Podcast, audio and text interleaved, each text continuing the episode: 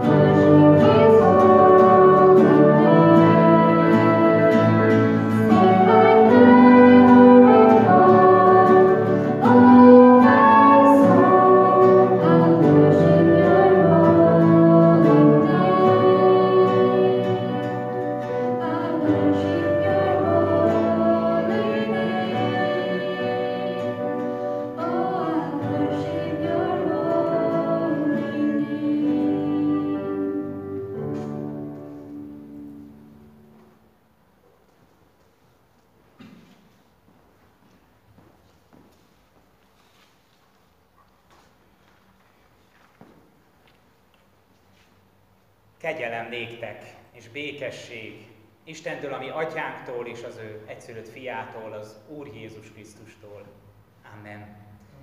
Nagyon sok szeretettel köszöntünk titeket ismét a gyülekezetünk Isten tiszteletén. Hirdetéseket szeretném elmondani. Aki először van itt nálunk, annak nagy szeretettel mondjuk, hogy Isten hozott. Egy kisi nagyra nőtt család vagyunk, és nagyon nagy szeretettel köszöntünk mindenkit, aki betérkezik. Ha szeretnél hozzánk csatlakozni, és szeretnél legújabb híreinkről is értesülni, akkor erre hátulra fölírhatod a neved, és beveszlek a Facebook csoportra, meg elküldöm az Instagram elérhetőséget, meg ilyesmit, hogy kövessetek minket online is, és legyetek részei a közösségnek. Hoztam egy Zsoltár verset, ez van a 30. Zsoltárban. Hallgass meg, Uram, kegyelmesen, légy segítségemre, Uram. Te pedig gyászomat örömre fordítottad, leoldottad gyászruhámat és örömre öltöztettél. Ezért szüntelen zeng neked a szívem, örökké magasztallak, Uram, Istenem. Ebbe az örökké magasztalásba tudunk bekapcsolódni, és arra hívunk titeket, hogy magasztaljuk együtt az Urunkat. Van egy ilyen hálaadás és imakártyánk, amit kérlek töltsetek ki és dobjatok be az imadobozba, tehát ha van valami kérésetek, amiért a közösségük imádkozzon, és valami hálaadásotok, akkor azt erre tudjátok felírni. Mehetünk tovább a képekkel. Eh, ahogy ezt már többször hirdettük, a közösségünk most egy eh, most Annácskának gyűjt, és a versenypénzünket neki fogjuk elutalni. Egy Kárpátaljáról származó magyar kislányról van szó, aki az SMA nevű nagyon komoly génbetegségben van benne, és október, november elején lesz egy nagyon komoly műtétje. Úgyhogy arra szeretnék titeket kérni elsősorban, hogy imádkozzatok érte, és hordozzuk imádságban az ő testi egészségét, és hordozzuk imádságban az orvosok kezét és az orvosok e, teendőit, és hordozzuk imádságban az ő gyógyulását. És ha megtehetitek, akkor e, anyagilag is támogassátok a terseinkbe, e, hogy ő meggyógyulhasson. Jó, köszönöm szépen, mehetünk tovább még egyet. Jesus is calling and I must go. Jézus hív minket, és muszáj mennünk. Köszönöm szépen a maszkválasztást. Nagyon örülök annak, hogy sok ótokon maszk van, de szeretnélek arra bátorítani titeket, hogy amennyire lehet, vegyük fel a maszkot a közösségi tereinkben, és amennyire lehet az alkalom előtt és utána is e, tartsuk egymástól lehetőleg a normálisan a távolságot. E, azért is szeretnélek titeket erre kérni, mert e, éppen 5 perccel ezelőtt kaptam egy üzenetet az egyik gyülekezeti tagunktól, hogy Péter, vírusos lettem, kérlek imádkozzatok értem. Nem tudjuk, hogy kiben, van benne, és nem tudjuk, hogy hogyan lehet ezzel a legeslegjobban védekezni, de amit lehet, azt mi tegyünk meg.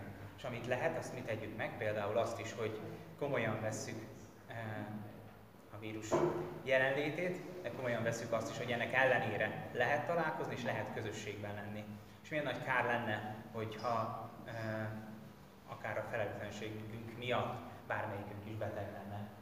Ugyanakkor, ha már ilyen hírekről beszélünk, akkor szeretnék, szeretnék nektek felolvasni néhány hírt, amit én is ma kaptam, mert e, nem azért, mert nem szeretném komolyan venni a helyzetet, de azt gondolom, hogy ilyen hírek után csak ilyen hírek következhetnek. Könnyed és pozitív hírek. Pillangót láttak kondoros határában.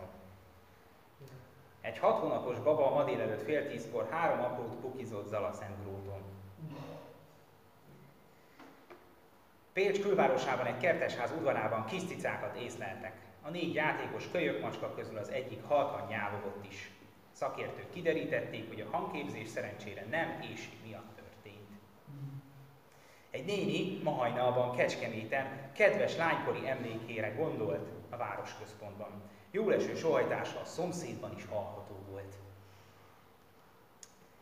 Aranyosak és egyszerűek a hírek, de jó lenne egymásnak ilyet mesélni, és erre szeretnélek bátorítani, hogy az Isten tisztelet végén az első ember, akivel találkozatok, meséljetek neki valamit, valami pozitívat, amit láttok, vagy ami ma történt az életetekben. Köszönöm szépen, menjünk tovább. Igen, a heti alkalmainkat szeretném még elmondani. Most héten pénteken 9 eh, órától fog indulni a, a úti társak elnevezésű programunk, mégpedig a Liget melletti Kó elől. Ez az úti társak egy közös sétálós, meditálós, együtt beszélgetős, gondolkodós, imádkozós alkalom. Várunk rá titeket szeretettel, öltözzetek melegen, vagy éppen nem annyira melegen, attól függően milyen idő lesz pénteken, délelőtt. Szóval várunk ide titeket szeretettel, az előző alkalomon készült, ehhez hasonlóan együtt fogunk sétálni és imádkozni. Köszönöm szépen. A héten, a szombati napon lesz még két közös alkalmunk, amiben találkozhatunk, amit nem mi szervezünk, de részei lehetünk. Szerda délelőtt 10 órától lesz egy ünnepi istentisztelet, ugyanis de, nem december, október 31 lesz, a hétvégén, és október 31-e, mint a reformáció ünnepe, nekünk reformátusoknak nagyon fontos, és ezért az egész város reformátussága egy nagy közös ünneplésben fog részt venni, szombaton 10 órától itt a Honvédtéri templomba a fejünk felett. Úgyhogy várunk erre is titeket szeretettel. És szombat este 19 órától pedig lesz egy Logistory reformációs Logistory játék, ez online lesz, az a logisztorit úgy kell elképzelni, mint egy barkóba, csak nem tárgyat vagy embert kell kitalálni, hanem egy egész történetet. Tehát ha ráértek szombaton este 7-től 9-ig, akkor csatlakozzatok be, meg fogom majd osztani a csoportban, meg a Facebook oldalon, e, ott is tudjátok majd látni, ezt nem mi szervezzük, nem én szervezem, de van hozzá e, családi kapcsolódás, e, egy könyvkiadó e, fogja szervezni. Amit látjátok, a Logistory társas játéknak a doboza látható, és ennek egy kis e, ízelítőt adván egy-két e, ilyen történetet fog hozni a kiadó, és ő bele lehet majd ott beszélgetni, hogy gyertek, játszunk együtt így a reformációra emlékezve.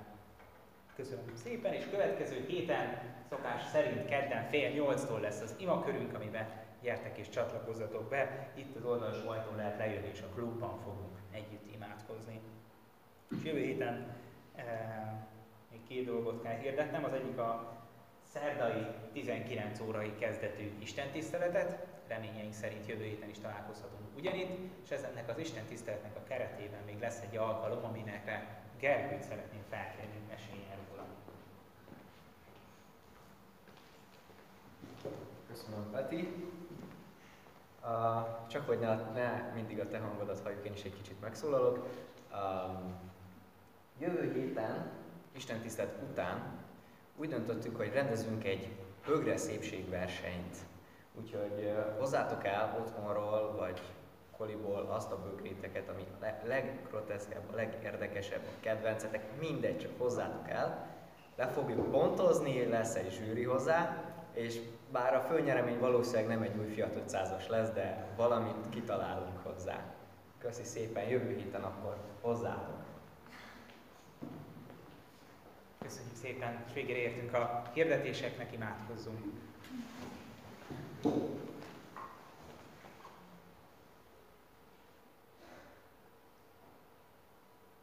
Drága mennyei atyánk, gyógyulásért imádkozunk. Azért imádkozunk, hogy te gyógyítsd meg azokat az embereket, akikről tudjuk, hogy betegek. Te a gyógyulást mindenkinek, aki elkapja ezekben a napokban ezt a, ezt a ronda vírust. Te adj megújulást erre az egész világra, és te add, hogy hadd lássuk meg mindig a kiutat. Hadd lássuk meg a kiutat, mind nemzetileg, mind az egész világban. Hadd lássunk meg minden kiutat, egyéni kétségeinkből és egyéni betegségeinkből. Kérünk, hogy te, te mutasd meg mindig a remény útját. Te maradj így velünk. És ezen a remény útján kérünk, hogy add te szent lelkedet és áld meg a mi Isten tiszteleti közösségünket. Amen.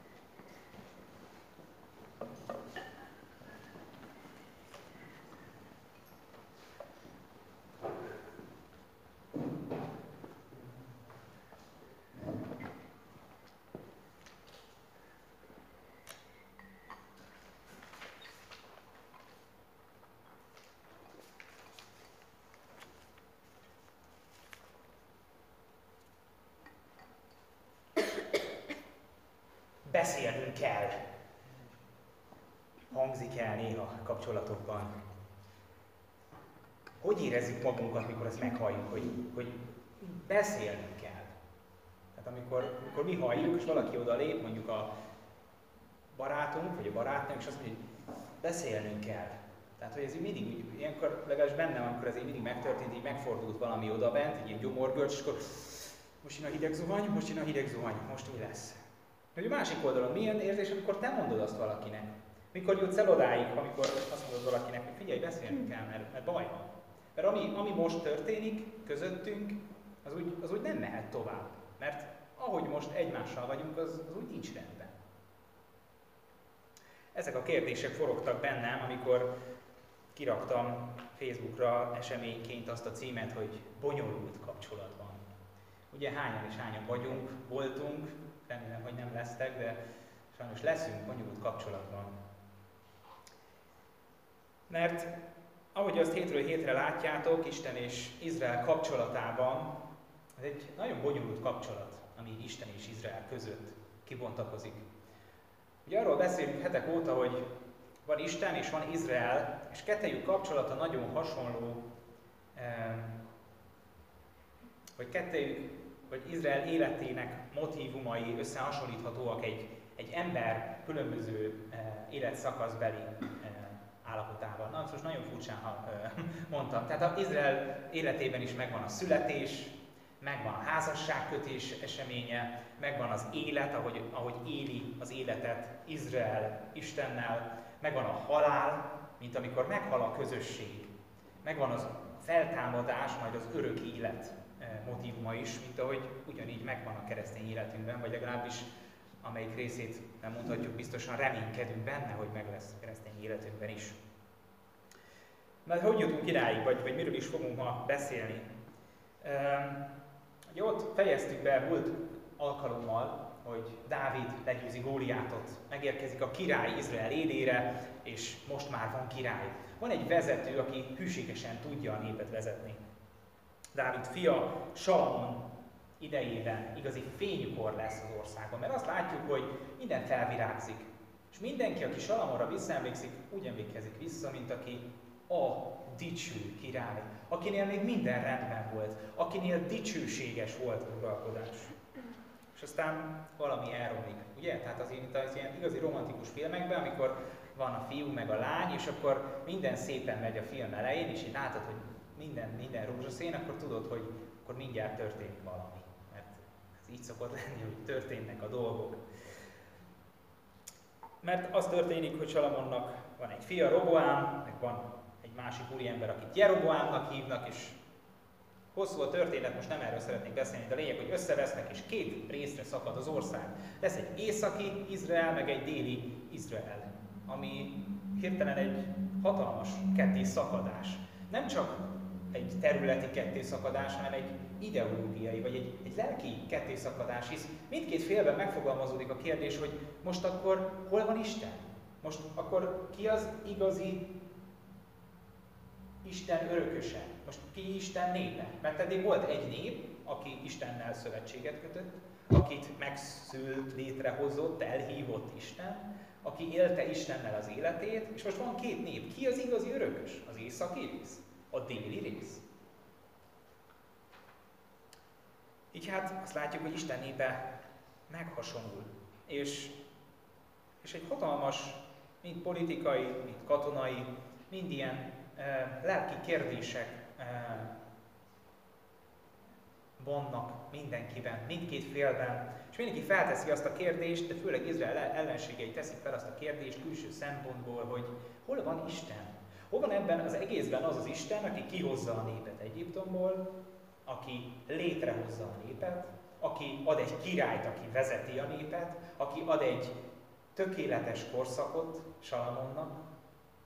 Hol, hol, hol van ez az Isten, aki ilyen nagy tetteket hajtott végre ennek a népnek az életébe? Hol van most, amikor azt látjuk, hogy minden van, csak dicsőség nem? De főleg káosz, mert a két fél egymás ellen támad, és évtizedeken, évszázadokon keresztül zajlik a háború. Érvényesek még Istennek azok az ígéretei, amiket feltett eredetileg? És egyébként is múlik az idő, és az Isten csendben van. És az Isten nem szól a meg. Az Isten nem tesz ilyen nagy dolgokat, mint amit korábban látott tőle a nép. Istenem, mit tőled nem ezt kaptuk eddig. Istenem, milyen eddig ezt mást kaptunk eddig tőled. Eddig azt kaptuk, hogy létrehoztál minket. Azt kaptuk, hogy volt egy jó életünk. Hol, hol van most ez a jó élet? És az Isten nem szól, és nem lép közbe észak és dél harcába. Hogy lehet ebben a helyzetben Istent követni, amikor ilyen nagy a reménytelenség és ilyen nagy a káosz körülöttünk? És az Isten ekkor küld profétákat, és azt mondja, hogy én most nem szólalok fel, hanem küldök profétákat, akik képviselnek engem, akik tovább mondják az én üzenetemet. És ebbe a korszakba fogunk most becsatlakozni. És ezek a proféták nagyon sokszor példamutatással jártak elő, és olyan proféciákat kapunk a Bibliában, amik, amik sokszor egy nagyon szép irodalmi, nagyon szépen irodalmilag is meg vannak konstruálva, és elő vannak hívva, és fel vannak építve. E, és ezért döntöttem úgy, hogy itt egy ilyen példamutatás gyanánt megpróbálunk ma egy nagyon alternatív igeolvasást, és ezért szeretném kérni a két beépített emberemet, hogy jöjjenek most ide mellém. E, ugyanis felkértem most két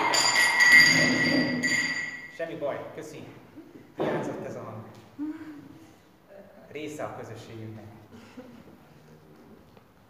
Szóval felkértem Lovit és Zsófit arra, hogy eh, olvassuk el ma este ezt a szakaszt, már azért is, mert Mikás próféta jó voltából egy olyan szakasz van előttünk, ahol három szereplő bontakozik ki előttünk.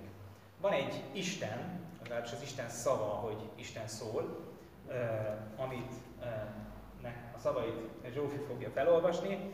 Van az ember, ahogy válaszol az Isten szavára, ezt Dori fogja felolvasni, és van egy proféta, aki mint egy közvetíti, vagy előhívja ezt a párbeszédet. Két fejezetet fogunk elolvasni, de először csak az egyiket, és majd később az ige hirdetés vége felé fogjuk a második fejezetet elolvasni. Tehát Mikás profita könyvének hatodik fejezetét kezdjük el olvasni. A szöveg is. Hallgassátok meg, amit az Úr mond. Tárd a hegyek elé peredet, hadd hallják meg hangodat a halmok. Halljátok meg, hegyek, az Úr perbeszédét. Ti is ősrégi alapjai a földnek, mert pere van népével az Úrnak, törvénykezni akar Izraellel. Én népem, mit vétettem ellened, mivel bántottalak? Felállj nekem, hiszen kihoztalak Egyiptom földjéről, kiváltottalak a szolgaság házából. Elküldtem Mózest, Áront és Mirjamot, hogy vezessenek. Én népem, emlékezz csak, mit tervezett Bálák, Moab királya, mit válaszolt neki Bálán, Beor fia, és mi történt Sittimtől Gilgáig, akkor megismered az Úr igaz tetteit. Mivel járuljak az Úr elé? Hajlang, hajlongjak-e a magasságos Isten előtt? Talán égő áldozattal járuljak elébe esztendős borjakkal? Talán kedvét leli az Úr a kosok ezreiben, vagy az olajpatakok tízezreiben? Talán elsőszülöttemet áldozzam bűnömért, drága gyermekemet védkes életemért? Ember, megmondta neked, hogy mi a jó, és hogy mit kíván tőled az Úr. Csak azt, hogy élj a törvény szerint, törekedj szeretetre, és légy alázatos Istenedhez szemben.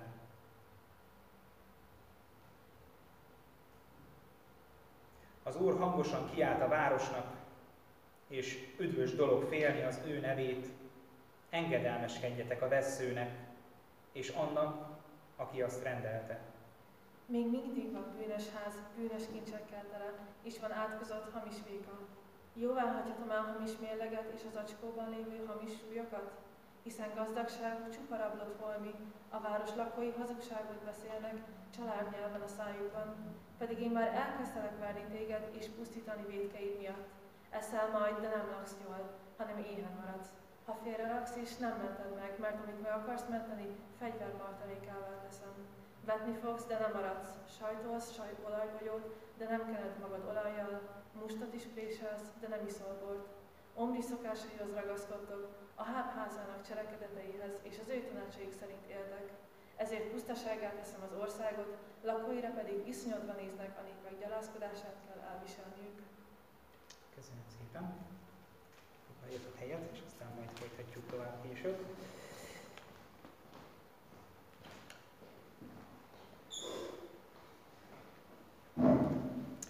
Na hát elővezeti ezt a beszélgetést a próféta. És felvezeti, hogy hát beszélnünk kell, ugye? És ki jön? Az Isten jön, ez is beszédes. Nem, nem az ember kezdi el, hanem az Isten azt mondja, hogy akkor beszéljünk. Akkor mi is van most közöttünk? Mi is történik? Én, én mielőtt ezt a mondatot továbbvinném, nagyon érdekes, hogy a hegyeket hívja tanul, azokat a hegyeket, amikre megesküdnek a házasság időpontjával. Nem, terre, nem tértünk ki talán erre így a tíz parancsolat megkötésénél, de ott látjuk azt, hogy az Isten azt mondja, hogy a hegyekre és a világ mindenségére esküszöm előtted. Ők legyenek a tanúk később, akire majd tudunk később hivatkozni. Így van az, hogy itt indulunk. A proféta mondja, hogy hát akkor hívjuk tanul azokat a hegyeket és azt a mindenséget, ami előtt eleve megköttetett a szövetség. Eleve köttetett egy szövetség a nép és Isten között. Egy olyan szövetség, amiről azt beszéltük, hogy az Isten egy szeretett kapcsolatba, egy házasságba hívja be a népet. Ugyanis szimbolikusan is kell értelmeznünk a tíz parancsolatot, mint egyfajta házasságkötést, egyfajta szövetségkötést, amiben Isten megtesz sok mindent a népért, kihozza Egyiptomból, és egy csomó ajándékot ad neki, és cserébe azt kéri, hogy cserébe tartsd be a keretrendszert, cserébe kövesd azt, és tedd azt, amit én kérek tőled. Mindezt hálából azért, amit én tettem érted. Így hát teljesen jogosan merül fel Istenben a kérdés, hogy mégis kivel bántottalak meg? Mégis mi annak az oka, hogy mi most fasírba vagyunk? Kihoztak Egyiptomból, adtam elét vezetőket, ott volt Mózes, ott volt Áron, ott voltak a királyok. Sőt, még volt egy olyan esemény, miről szintén nem beszéltünk így külön, de csak két mondatban, hogy Bálákot említi a szöveg, Bálákot és Bálámot. Ugye Bálák volt egy másik népből Szár, Szár Moab, Moabita király, aki arra bérelte fel Bálámot, hogy menjen el és átkozza meg Izrael népét. És amikor Bálám odaért a néphez, akkor hirtelen nem tudta megátkozni a népet, hanem az áldás szava jött ki a száján. Tehát azt kérdezi Isten, hogy de hát nem emlékeztek, hogy amikor jött az ellenség és meg akart téged átkozni, még akkor se jöhetett ki átok szava a száján. Tehát még beszélni se tud rólad másképp rosszul, és te így mász velem. Te ennyire nem tartod meg a kapcsolatot, ami, ami közöttünk van. És számomra újra és újra meghökkentő a hatodik és hetedik vers. Ugyanis az ember az kicsattan. Az ember válaszol. És valahol értem, mert felvázoltam azt, hogy egy olyan emberről beszélünk, aki, aki kétségbe van esve, aki nem látja Istent, aki nem érti Istent, aki azt mondja, hogy Istenem, hogy hagyhattad azt, hogy ez történjen? Panaszkodik, teljesen narcisztikusan meg van sértődve, de mégis gondolatai mélyén ott van a keserű felkiáltás, hogy Istenem, hol voltál eddig? De mindez nem menti fel, mert három nagyon-nagyon jelentős dolgot említ, ami egészen pimasz. Tehát felteszi a kérdést, hogy mégis mit csináljak, hajlagjak az Isten előtt? Hát például, tehát az Istenről beszélik, te meg az ember vagy égő áldozatot mutassak? Hát, például igen, mert, mert ennek is megvan a szerepe. Ugyanúgy, mint a hajlongásnak, hiszen a hajlongás az a gesztus, amivel ki tudom azt fejezni, hogy igen, én tisztelem az Isten. Igen, én meg szeretném neki adni, ami ő jár neki. És az égő áldozatnak is megvolt a szerepe, mert az Isten azért adta Mert azt kérte a néptől, hogy ahelyett, hogy te haj bele a bűnödbe és a bűnöd súlyába és a bűnöd következményébe, legyen valaki más. Legyen valaki helyetted, aki meghalljon. Mert a bűn együtt jár a büntetéssel, és ezt a büntetést magára vette az állat, rátették az állatra szimbolikusan. Ne felejtsük el megint csak, hogy az ókori ember nagyon sok mindent szimbolikusan értelmezett, és szimbolikusan látott maga körül. Így hát akkor felteszi azt a kérdést az, az ember, hogy mégis áldozzak, akkor megint csak egy nagyon mély dolgot tesz nevetségesé, vagy kérdőjelez meg az Istennel való kapcsolatában, mert felteszi a kérdést, hogy, hogy, hogy komolyan, eh, komolyan vegyem az áldozatot. Mert, mert most nem veszem komolyan, nem használ, nem használ az alázat, nem használ az áldozathozatal, nem használ az, hogy állatok átveszik tőlem a büntetést, mert nem érzem azt, hogy ez valóban, valódi élmény lehet számomra. És végül, ami számomra megint csak egy nagyon megdöbbentő, megemlíti azt, hogy talán első szülöttemet áldozzam az Istennek a bűnömért. És az a furcsa, hogy ezekben a kérdésekben benne van, hogy ő tudja magáról az ember, hogy bűnös. De ennek ellenére nagyon pimasz kérdéseket tesz fel. Meg engem, engem bántana, ha ilyeneket kérdeznék tőlem, és én lennék Isten, nem vagyok az. De itt van az elsőszülött feláldozásának a kérdése, amit elég csak visszamenni Ábrahám életébe, akiről tudjuk, hogy azt kérte tőle Isten, hogy áldozza fel a saját egyetlen elsőszülött gyermekét, Izsákot. Elvitte őt egészen egy hegyig. Fel kellett építeni egy oltárt, ráhelyeznie a gyermekét, és az Isten csak az utolsó pillanatban mondta azt, hogy állj meg, állj meg, mert most már elhiszem, hogy képes vagy a saját életedet, a saját jövődet, a saját reménységedet is feláldozni az Istennek. Képes vagy ezt is odaadni az Istennek. Hát megint csak, ha ezt nézzük meg, az ember ezt is nevetségetésé teszi. Azt mondja, hogy talán adjam oda a jövőmet. Milyen jövőről beszélünk egy ketté szakadt országban, ami eleve ketté van szakad, és egymás ellen harcolunk, nem, hogy élni nem tudunk, még a reményt is adjam oda, a jövendő életbe való reményt. Mert ezek nem mennek. Nem megy a hajlongás, nem megy az alázat, nem megy az áldozathozatal, nem megy talán a reménykedés sem. Ezeket mind próbáltuk, de nem ment. És milyen szomorú, hogy megemlítettem mind a háromnál, hogy volt egy eredeti értelme mind a három megemlített dolognak. Volt értelme a hajlongásnak, az égő áldozatnak, a gyermek feláldozásának, mint a jövő Isten kezébe helyezésének. De mindez valahol a nép életében elhalványult. És azt gondolom, hogy itt van egy nagyon mély dolog elásva ebben a történetben és ebben a szakaszban. Mert nagyon sokszor az emberben elhalványul az, hogy az Isten mit szeretne eredetileg. Elhalványul az a szeretet kapcsolat, ami eredetileg volt, és szokássá változik. Mert megszokjuk azt, hogy hajlongunk, megszokjuk azt, hogy áldozatot mutatunk be az Istennek, és talán megszokjuk azt is, hogy odaadjuk a kezébe az életünket, odaadjuk a kezébe a reménységünket. Így hát hadd tegyem fel most személyesen a kérdést nektek, hogy szoktátok így érezni magatokat, mint ahogy a nép érzi itt magát? Elhagyatva, egyedül, kétségek között, kérdések között. Amikor igazán megfelteszitek a kérdést, hogy hol van Isten? Hol van Isten egy ilyen világban? Hol van Isten ma, amikor annyi káosz van körülöttem? Beszéltem arról, hogy bonyolult kapcsolatok vannak, azok vannak nekünk is, az Istennel is. Te hogy vagy ezzel? Hogy vagy az Istennel? Talán te is eljátszod ugyanezeket, mint a nép.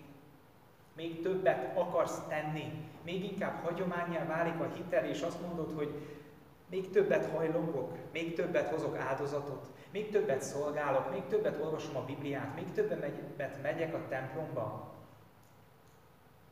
És aztán úgy érzed, hogy ezek nem használnak. Van ilyen. Van ilyen az életünkben.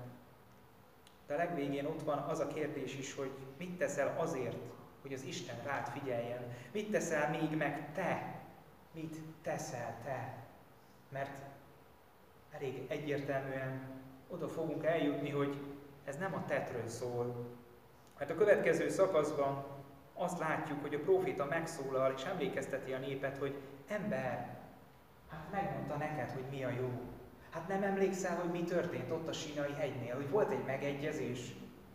Nem emlékszel, hogy volt egy szeretet kapcsolat, amiben az Isten behívott téged? És arra kért, arra figyelmeztetett, hogy tartsd meg a törvényt, mert a törvény az jó neked. Mert én szeretlek. És ezek a törvények, ezek olyan törvények, amik jók a számodra, amik körül határolnak egy világot.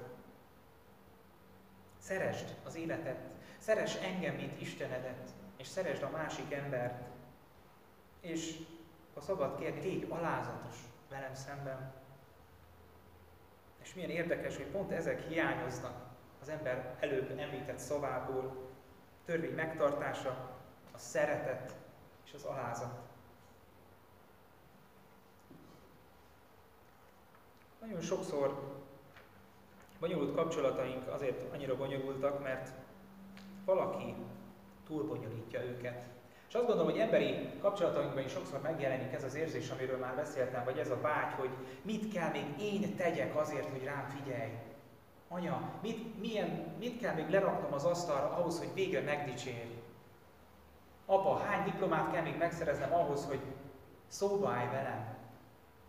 Tesó, hányszor kell még, hogy rád írjak, hogy végre válaszolj? Hogy végre ne csak egy üzenetet vágj vissza? Mit kell még megtegyek azért, hogy... És valahogy olyan görcsösen bennünk van ez a vágy, hogy akarunk tetszeni, akarunk megfelelni. De emlékeztetni kell azt hiszem magunkat is arra, hogy az Istennel való kapcsolatunkban is vagyunk így sokszor, ahogy a nép is volt, hogy elhalványul a lényeg. Elhalványul az, ami eredetileg lényeg volt, és szokássá válik.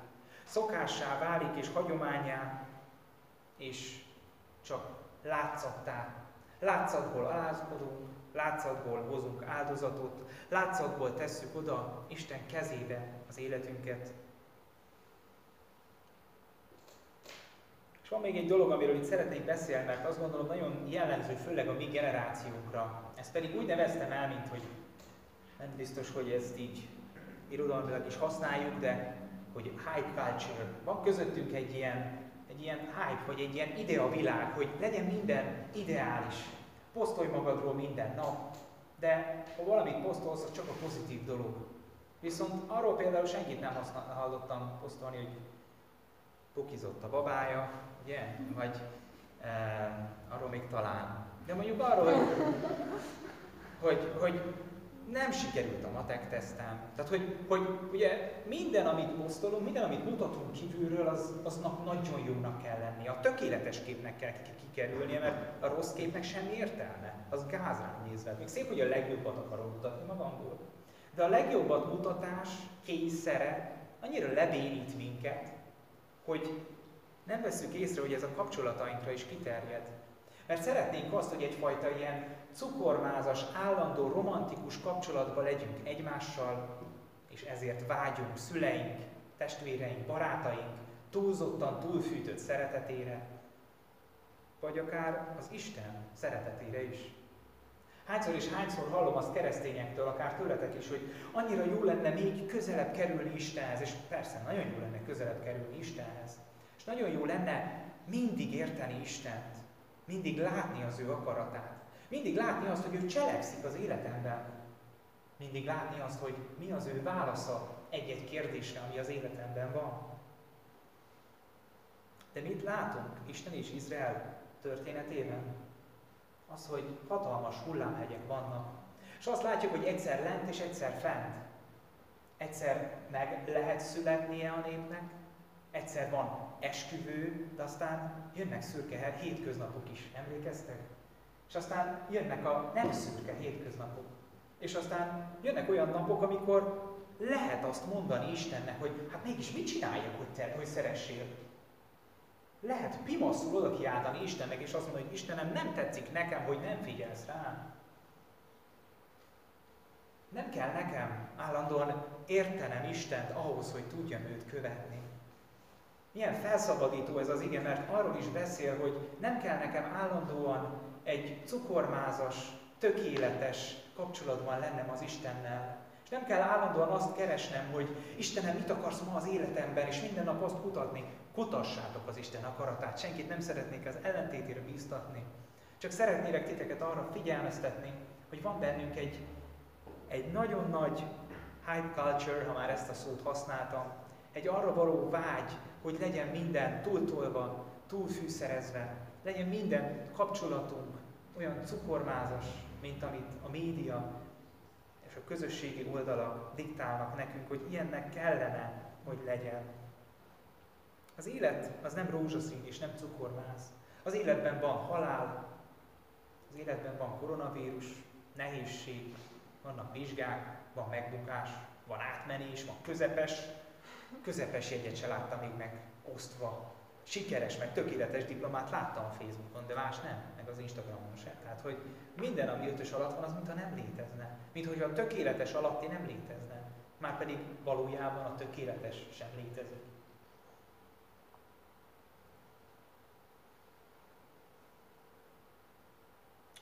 És azért is mondom ezt, mert valahol az Isten mindenre, ami görcsös keresésünkre azt mondja, hogy ember, megmondtam, hogy mi a helyzet. Megegyeztünk korábban. Én már szóltam. Van egy törvény, van egy keretrendszer, amit ha ismersz, akkor az nagyjából eléggé határozottan behatárolja az életet, és az élet megélésének a kereteit. Mert lehet tisztelni az Istent. Lehet megtartani a hetedik napot, lehet pihenni. Lehet tisztelni a szüleidet, ami nem jelenti azt, hogy egyet kell mindenben érteni, de lehet tisztelettel bánni velük. És fordítva is igaz, lehet szülőként a gyermekeddel tisztelettel bánni. Lehet tisztelni a másik vagyonát, lehet tisztelni a másik életét, lehet, más, lehet tisztelni a másik szexualitását, lehet tisztelni a másik vagyonát. Mi mindenre szabadít fel az Isten törvénye, hogyha őt kezdjük el követni. Szóval, ahogy a próféta, most én is erre emlékeztetlek titeket, mert az Isten megmondta azt, hogy van egy szeretett kapcsolat, amihez lehet kapcsolódni. És igen, lehet keresni az Isten akaratát, és lehet kérdezni, lehet szembesíteni az Istent azzal, hogy valami nincs rendben. De az Istennek mindig van egy válasza. És az Isten válasza az, hogy ember, én haragszom.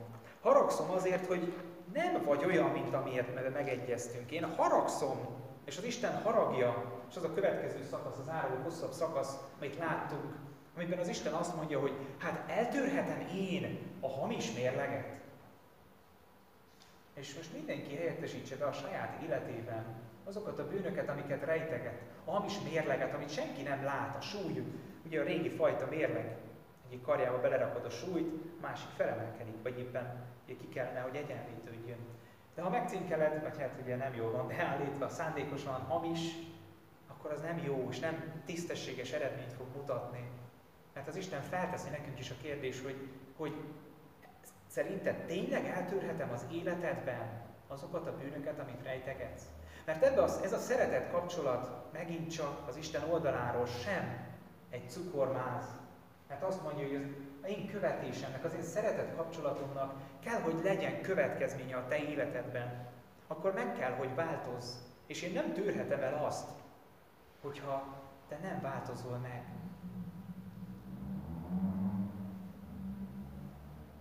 Ezért van az, hogy azt jósolja az Isten a népnek, hogy pusztaság lesz az ország, hogyha nem cselekednek.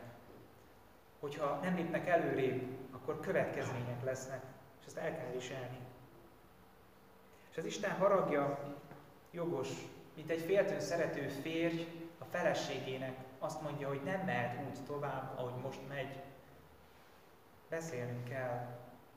És erre válaszként a próféta pedig bemutatja a hetedik fejezetben, és ezt fogjuk következőre felolvasni.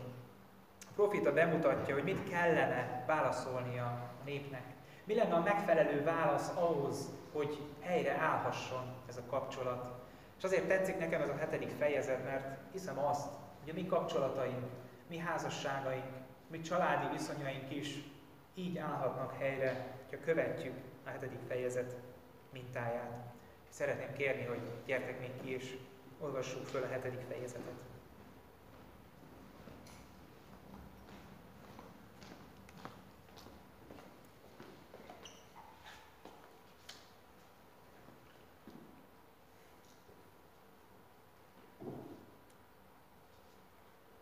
Jaj nekem, mert úgy jártam, mint mikor valaki gyümölcsöt akar szedni, szőlőt akar szüretelni, de nincs ehető fürt, sem korai füge, amire vágyódott. Kivesztek az országból a hívek, nincs becsületes ember, alattomban mindjárt vért ontanak. Hálóval vadásznak egymásra. Jól használják kezüket a rosszra, a vezető ember követelőzik, a bíró fizetségre vár. A, a, a főrangú ember kimondja, mit kíván, és csak csürig csavarják az. Aki a legjobb köztük olyan, mint a tüskebokor, a legbecsületesebb is olyan, mint a tövisbokor. De eljön büntetésed napja, amelyet őrállóid láttak. Akkor lesz majd szűrzavar. Ne higgyetek a barátnak, ne bízzatok a jó ismerősben. Még asszonyod előtt is, akit magad hozolálsz, vigyázz, hogy mit mondasz. Mert a fiú alázatosan, ö, gyalázatosan bánik apjával, lány anyja ellen támad, amely az anyósa ellen, az embernek saját háza népe is ellensége. De én az Urat várom, a felszabadító Istenben reménykedem. Meg is fog hallgatni Istenem. Ne örülj bajomnak, ellenségem, mert ha elesem is fölkelek, a sötétségben lakom, és az Úr az én világosságom. Az Úr haragját kell hordoznom, mert védkeztem ellene. De majd ő intézi peremet, és igazságot szolgáltat nekem. Kivisz a világosságra, és gyönyörködöm majd igazságában. Látja majd ezt ellenségem, és szégyen borítja el, mert most ezt kérdezi tőlem, hol van az Úr a te Istened? Saját szememmel látom majd, amikor összetapossák, mint az utcasarát. Eljön a nap, amikor felépítik a falaidat, azon a napon szélesre tágul a hadár. Azon a napon jönnek majd hozzád Asszíriából és Egyiptom városaiból, Egyiptomból és az Eufrátesz mellől, a tengereken át, a hegyeken át, bár puszta volt az ország, a lakói miatt tették gyümölcsöképpen. Pásztorolt botoddal népedet, tulajdon nyájadat, amely elhagyatva élt az erdőben, termékeny földön. Hadd legeljenek Básánban és Gileádban, mint a régi időkben. Csodás dolgokat mutatok neked, mint amikor kijöttél Egyiptomból. Látják majd ezt a népek, és szégyenkeznek, elvesztik minden erejüket, kezüket szájukra teszik, füléig megsüketülnek, portnyalnak, mint a kígyó, mint a föld férgei, reszketve jönnek elő rejtek helyükről, rettegve folyamodnak Istenükhöz, az Úrhoz, és félnek majd tőled is. Kicsoda az olyan Isten, mint te, aki megbocsátja a bűnt, és elengedi népe maradékának büntetését. Nem tartja meg haragját örökre, mert abban telik kedve, hogy kegyelmet ad. Újra irgalmas lesz hozzánk, eltapossa bűneinket, a tenger mélyére dobja minden vétkünket. Hűségesen bánsz Jákobbal, kegyelmesen Ábrahámmal, ahogyan megesküdtél őseinknek a régi időkben. Amen. Köszönöm szépen.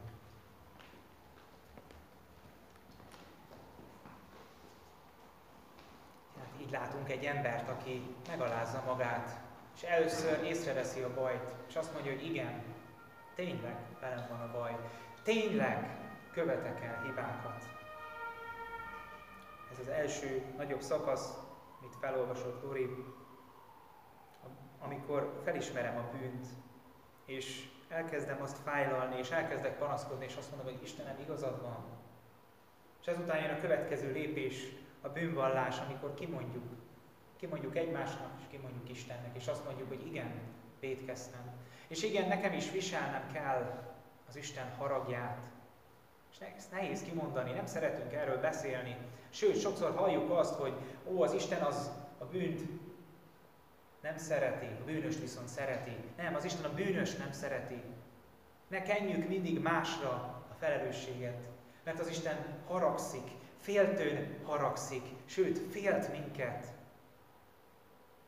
És az erre való válasz csak az lehet, hogy felismerem a bűnömet, megvallom azt, és erre válaszként az Isten bűnbocsánatot ígér, és újra megadja ugyanazokat az ígéreteket, amit a nép korábban is megkapott. És végül azt láttuk, hogy az ember viszont, viszont csodálkozik. Rácsodálkozik arra, hogy hogy lehet az, hogy az Isten még mindig ilyen kegyelmes. Még mindig ilyen kegyelmes, hogy ilyen ennyire tiszteletlen voltam. Én ennyire félreléptem. Én ennyire szeretetlen voltam. És ő még mindig megbocsát nekem. Így lehet újat kezdeni. Így lehet az Istennel való kapcsolatunkban egy új kezdet. De így lehetnek emberi kapcsolatainkban is új kezdetek. Hogy mások hibáztatása helyett magunkon kezdünk el gondolkodni, és a mi részünket fedezzük fel. És ha meglátjuk a bűnt, akkor néven nevezzük. Megvalljuk és bocsánatot kérünk. És reménykedünk a válaszban, a pozitív válaszban, amit az emberektől nem is mindig, de az Istentől mindig megkapunk. Mert az Isten mindig azt mondja, hogy örömet látom abban, hogyha helyre állhat a kapcsolatunk. Így hát itt van a nép előtt a lehetőség, mert a proféta bemutatja annak a lehetőségét, hogy hogyan állhat helyre a kapcsolata a népnek az Istennel. Folytatjuk tovább jövő héten, és félig spoiler, de a halál motivumával fogunk foglalkozni, úgyhogy nem sikerül sajnos a népnek ezt megtenni. De legyen ott előttünk példaként ez a történet, és Mikás profécián, Mikás példája, ami arról beszél, hogy ha bajunk van Istennel, akkor legyen bajunk vele, mert lehet.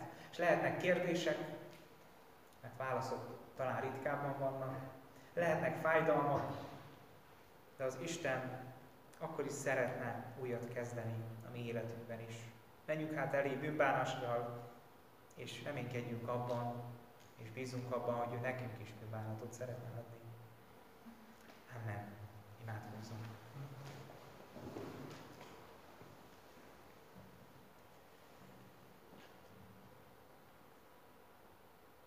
32. Zsoltár Dávid tanító költeménye. Boldog, akinek hűtlensége megbocsáttatott, védke eltöröltetett. Boldog az az ember, akinek az Úr nem rója fel bűnét, és nincs lelkében álmokság. Míg hallgattam, kiszáradtak csontjaim. Egész nap jajgatnom kellett, mert éjjel-nappal rám nehezedett kezed, erőm ellankadt, mint a nyári hőségben. Megvallottam neked védkemet, bűnömet nem takargattam. Elhatároztam, hogy bevallom hűtlenségemet az Úrnak, és te megbocsátottad bűnömet, amit vétettem. Ezért hozzád imádkozzék minden hívő, amíg megtalálhat. Ha nagy vizek áradnak is, nem érik el őt. Te vagy az oltalmam, megóvsz a bajtól, körülveszel a szabadulás örömével.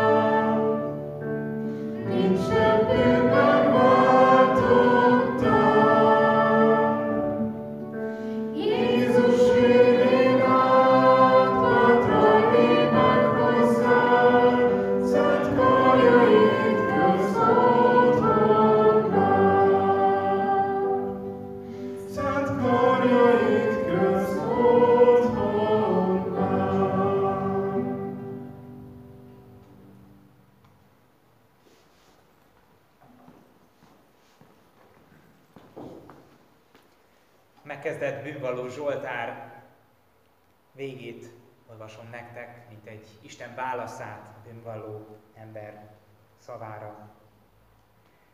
Ezt mondja Isten, bölcsé teszlek és megtanítalak, melyik úton kell járnod. Tanácsot adok, rajtad lesz a szemem. Ne legyetek olyanok, olyan oktalanok, mint a ló vagy az összvér, amelynek kantárral és zablával kell fékezni szilajságát. Máskülönben nem közelít hozzád.